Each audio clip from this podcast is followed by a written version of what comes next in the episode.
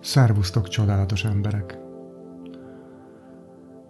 Ebben a mostani felvételben a négyes és ötös szintekről szeretnék beszélni, a tudatszintekről, ahogy én értelmezem, és én olvasztottam össze a spiráldinamika és integrál elmélet leírásait magamnak. Ezek a szintek a hagyományos szinteknek, vagy pedig konvencionális szinteknek tekinthetők, hogy ezeket így szoktuk nagyjából nevezni, ami körülbelül azt jelenti, hogy az átlagos világkép, vagy az átlagos emberi gondolkodást körülbelül az, azt testesítik meg. Tehát ahogy kimegyünk az utcán és beszélgetünk emberekkel, az a, annak, annak a nagy átlaga az körülbelül ezek, erre a két szintre esik. A fejlődésben, egyéni fejlődésben, amikor valaki ideér gyermekként, Ugye említettem, hogy az első négy-öt szintre nagyjából én azt az egyszerűsítést szoktam alkalmazni, hogy a hanyadik szint annyi évig tart, tehát ebből következőleg az első három szint összesen hat évig tart, és ez a negyedik szint az kb. 6 éves kortól nagyjából 10, mondjuk akár 12 éves korig tart, és ezen a, ebben a szakaszban az eddig követelőző magának mindent azonnal akaró gyermek tanulja, megtanulja azt, hogy hogyan tudja késleltetni egy kicsit a vágyait, azért, hogy közben másokkal is tudjon kapcsolódni. Szóval nem azonnal követelünk, hanem bizonyos szabályokhoz alkalmazkodunk, és így viszont elfogadnak többiek. És csapathoz, csoporthoz, családhoz még jobban tudunk tartozni. Ugye gyermekként itt tanuljuk meg, hogy hogyan tartsuk be a szüneteket és a, az óráknak a hosszát az iskolába. Itt tanuljuk meg, hogy vannak, akik fölöttünk vannak, például a tanárok, akiket nem biztos, hogy ugyanúgy szólítunk, mint például az osztálytársainkat, vagy bizonyos fajta tisztelettel próbálunk feléjük közeledni. Ezen a szinten tanuljuk meg az autoritást, a szófogadást másoknak, itt tanuljuk meg a közlekedési szabályok betartását is. Ha felnőttként vagyunk ezen a szinten, az, az szerepeket jelent, hogy bizonyos szerepeket veszünk fel, és azt ahhoz ragaszkodunk, és másoktól ilyen szerepeket várunk el, és nem szeretjük azt, és nem tudjuk tolerálni, és nem tudjuk kezelni, hogyha az illetők kiesnek a szerepükből. A szabályokat, törvényeket betűről betűről próbáljuk betartani, néha értelmetlenül hozzájuk ragaszkodva, és nem a mögöttes logikát nézve. Másoktól is elvárjuk, hogy betartsák ezeket a szabályokat és a törvényeket. A társadalmi szintekre kibetítve ez körülbelül a feudális társadalmak szintjét jelenti. Itt van az, amikor a hierarchia legerősebb, tényleg a fölöttünk lévő szavát ezt teljesen betartjuk, a katonaságok is így működnek természetesen, ott is a hierarchia és a felettünk lévő szint utasítása fontos, de ehhez hasonlóan a nagy világvallásokból kialakult vallási rendek, rendszerek, papság szintén ilyen hierarchikus elven szerveződik, és szintén megvannak a saját szabályai. Ezek a szabályok legtöbbször úgy vannak elvileg kialakítva, hogy mindenkinek mindenhez van joga és lehetősége, tehát például, ha mondjuk egy ilyen papi ranglétrát nézek, akkor elvileg bárkinek van lehetősége felvételt nyerni, mint kispap, hogyha megfelelő, végzés, megfelelő képzéseket elvégzi, akkor lehet belőle bármi, a püspök, akár pápa, de azért azt hozzá szeretném tenni, hogy ez, a, ez az egyenlőség, ez általában csak elvileg szokott meglenni, és mindig, majdnem mindig vannak olyanok, akik egyenlőbbek a többi egyenlőnél. Politikai hierarchiában pedig ott vannak ilyen kivételek ez alól, mikor ugye az ismerősök vagy bizonyos kenőpénz esetén már is, már is lehet máshogy alkalmazni a szabályokat. Már ez egy kicsit már át is vezet majd az ötös szintre. A családdal és környezettel való viszony ebből következőleg teljesen a szerepek alapján működik, mindenkinek megvan a dolga, és mindenkitől elvárjuk, hogy megcsinálja a dolgát, esetleg azt se tudjuk, hogy hogy, hogy csinálja meg ő azt, amit csinál, de az a lényeg, hogy ez az ő dolga, és én tudom, hogy nekem mi a dolgom, és hogyha nem csináltam meg valamit, ami az én dolgom, akkor, akkor jön a szégyen, a szégyen érzet. Ezen a szinten, a párválasztásban. szintén az a helyzet, hogy eléggé ragaszkodunk ilyen szerep elképzelésekhez, és azokhoz a szerepekhez próbáljuk választani a másikat. Ráadásul a másiknak igazából még nem is látjuk az értékeit, eh, vagy tulajdonságait, eh, hanem csak úgy nagyjából rávetítünk valamit az első tapasztalatok alapján, és akkor azzal próbáljuk eldönteni, így próbáljuk eldönteni, hogy akkor az illető meg fog-e felelni ennek a szerepnek, vagy nem. Szexualitásban is viszonylag erős a különböző megbeszélt szabályoknak a betartása. A szexualitás lehet akár rutinszerű is ezen a szinten, meg van beszélve, hogy az a szabály, hogy hetente kétszer szexelünk, akkor hetente kétszer szexelünk ha háromszor van megbeszél, akkor háromszor, ha meg minden másnap, akkor minden másnap. És ebből következően ez, az, ezen a szinten például nem is nagyon kísérletez, kísérletezik az ember, itt a kreativitás nem annyira díjazott. Hogyha én nagyon kreatív vagyok, és nagyon erős, vagy nagyon érdekes és új kérdésekkel észrevételekkel és ötletekkel állok elő, akkor elő állhat az a helyzet, és az az egyik legnagyobb félelme is egyben a, a négyes szintű embernek, a tisztán négyes szintű embernek, hogy, hogy a többieknek nem fog tetszeni az, amit én kitaláltam, és idegenkednek tőle, furcsán fognak rám nézni, és lehet, hogy kiközösítenek.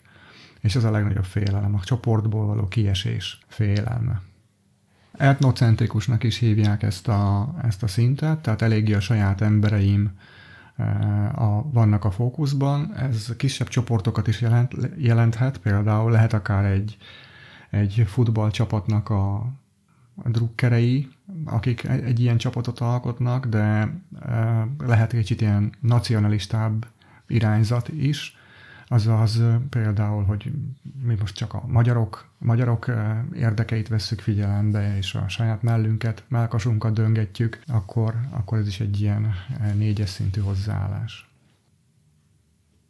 És akkor ezután következik az ötös szint, akkor, amikor valaki a törvényekkel, meg a szabályokkal nagyon betelik, nem bírja őket betartani, meg rájön arra, hogy akár a törvénykönyveket szokat halmozhatjuk hegyekbe. Lehet a polcomon 5 méter hosszan különböző törvénykönyv a polgári jogról, meg a perrendtartásról, meg a munkajogról, és a többi, és a többi. Attól függetlenül mégis az van, hogy ezek a szabályok bármilyen alaposan kidolgozottnak tűnnek is, mindig vannak olyan helyzetek, amikor, amikor azzal szembesülünk, hogy ezt a helyzetet bizony ezek a szabályok, ezek a törvények nem fedik le. Tehát valahogy így nem lesz az így jó. Ez az egyik.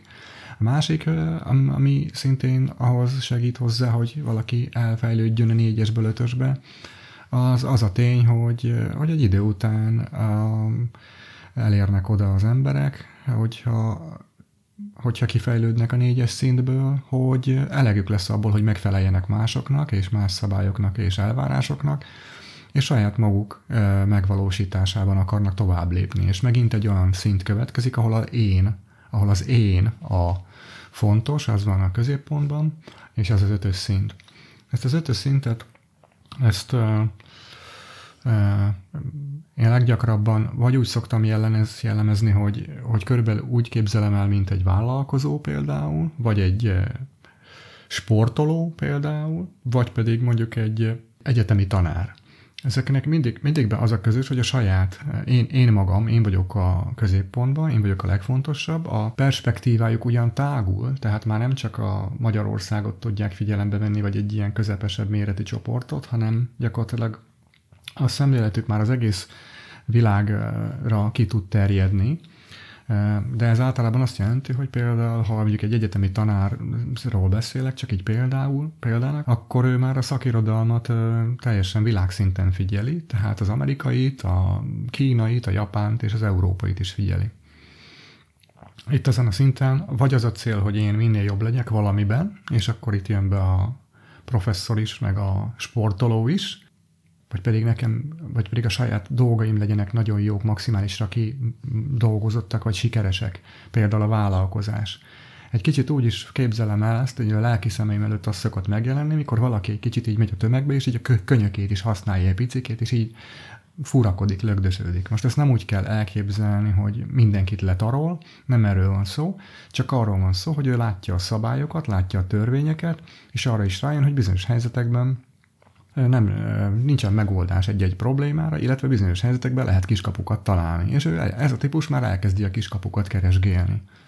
Hogy lehetek én jobb, hogy lehet a vállalkozásom jobb, hogy tudok több tudást felvenni, hogy lehetek ügyesebb a szakmámban, például egy asztalos is, hogyha egy bútorasztalos csak asztalokat farigcsál, akkor, akkor az mondhatnánk azt, hogy talán átlagosan egy négyes szintnek felelhet meg, ha egyébként ő ezzel így elégedett, és kb. mindig ugyanazt csinálja.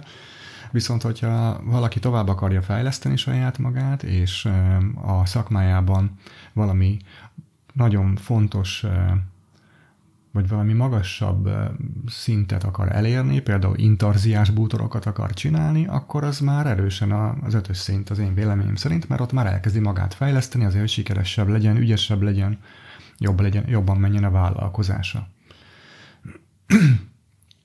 Ezen a szinten pont azért, mert a tudás halmozása előre lép, ez, ez a gyakorlatilag a, a tudomány és a tudományok általában nagyon fontos szerepet töltenek be. Egyébként ez a legateistább szint is egyben, hogyha így lehet egyszerűsíteni. Szóval ezen a szinten foglalkoznak az emberek a legkevesebbet ilyenekkel, hogy vallás vagy spiritualitás. Ez a szint a társadalmi szintekbe ott kezdett kialakulni, amikor így már a felvilágosodás kora elindult, és itt van az, amikor már az egyénnek a jogai egy, egyre fontosabbak kezdek len, kezdenek lenni, ugye az amerikai uh, alkotmányban is például az egyéni jogok nagyon erős uh, hangsúlyjal bírnak, uh, és a demokrácia innen kezd kialakulni erről az ötös szintről, ahol az egyéneknek adunk egyre több jogot ahhoz, hogy, hogy szavazzanak például, meg döntésben, döntésben valamilyen szintre, szinten részt vegyenek, illetve hát gyakorlatilag ezen az ötös szinten volt aztán az, amikor már megszüntettük a, a rabszolgatartást is, mert mert, mert hát egyszerűen elismerjük az egyéni jogokat, tehát itt már, itt ezen a szinten már nem fér meg ilyen, mint a rabszolgatartás és hogy milyen a viszonya a környezetével, esetleg a családjával, hát egy kicsit egy ilyen magamutogató és kivagyi szint tud ez lenni, családban is, meg környezettel, barátoknál is, barátok közt is elő tud fordulni az, hogy, hogy ez a fontosabb, hogy nekem mim van, és ezt megmutassam nektek, és ez beleértve a szép feleség, meg a szép ház, meg a nyaraló, meg a vitorlásom a Balatonon, meg, az, meg a három autóm, bármi, bármi is tartozik ide. Itt eléggé meldönketős szint is egy, egy picikét, ahogyha lehet ilyet mondani, bár szerintem nem lehet, de nekem a fejembe valahogy úgy maradt meg, hogy, hogy a bennünk lévő narcisztikus részünk is itt van, egy, itt van talán a legjobban kiengedve ezen a szinten. Ebből következőleg persze ez az a szint, amelyik a természettel is a lehetőleg hogy is mondjam, leginkább hadilábon áll, mivel hogy a saját érdekeit nézi, tehát az általános vállalkozó és, és vállalati szint körülbelül az ez szokott lenni. Itt a, itt a mutatószámok számítanak, meg az számít, hogy mit tudunk mutatni a, a részvényeseknek, meg mennyi a nyereségünk, nem az számít, hogy most amit csinálunk, az mennyire, mennyire szennyezi a környezetet, meg a környező erdőt, meg a levegőt, mert hogyha azokat kellene védeni, akkor a veszteségünk lenne, vagy pedig legalábbis sokkal kisebb a nyereségünk, mert akkor egy csomó eh, légtisztító, meg víztisztító berendezésre is költeni kell.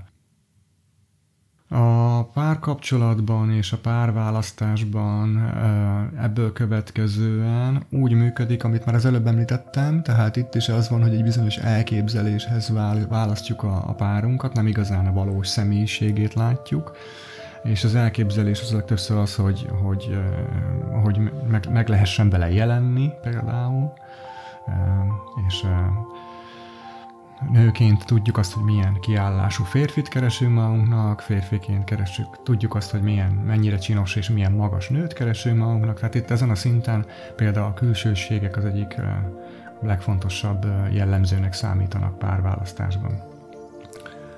Illetve ilyen értelemben, hogy ez is egy én központú szint, ez relatív önző is egyébként így a kapcsolatban, tehát viszonylag kevés figyelmet szentelünk a másik igényeinek, az a lényeg, hogy a mi igényeink legyenek kielégítve.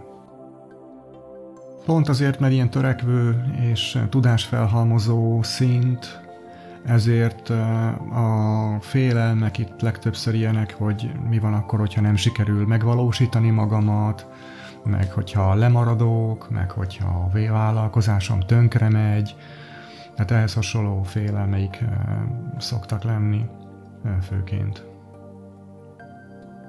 Hát akkor ennyit egyelőre az általában megszokott, utcán megszokott szintekről, erről a 4-es és 5-ös szintről, amit más néven konvencionális szintnek, szinteknek is lehet hívni. És még egyszer elmondom, hogy ez a, amit most itt hallottál tőlem, a 4-es és 5-ös szintről, ezek a saját megéléseim és a saját magamban lecsapódott dolgok, nem pedig a hivatalos spiráldinamikai és integrál elméleti szintleírások.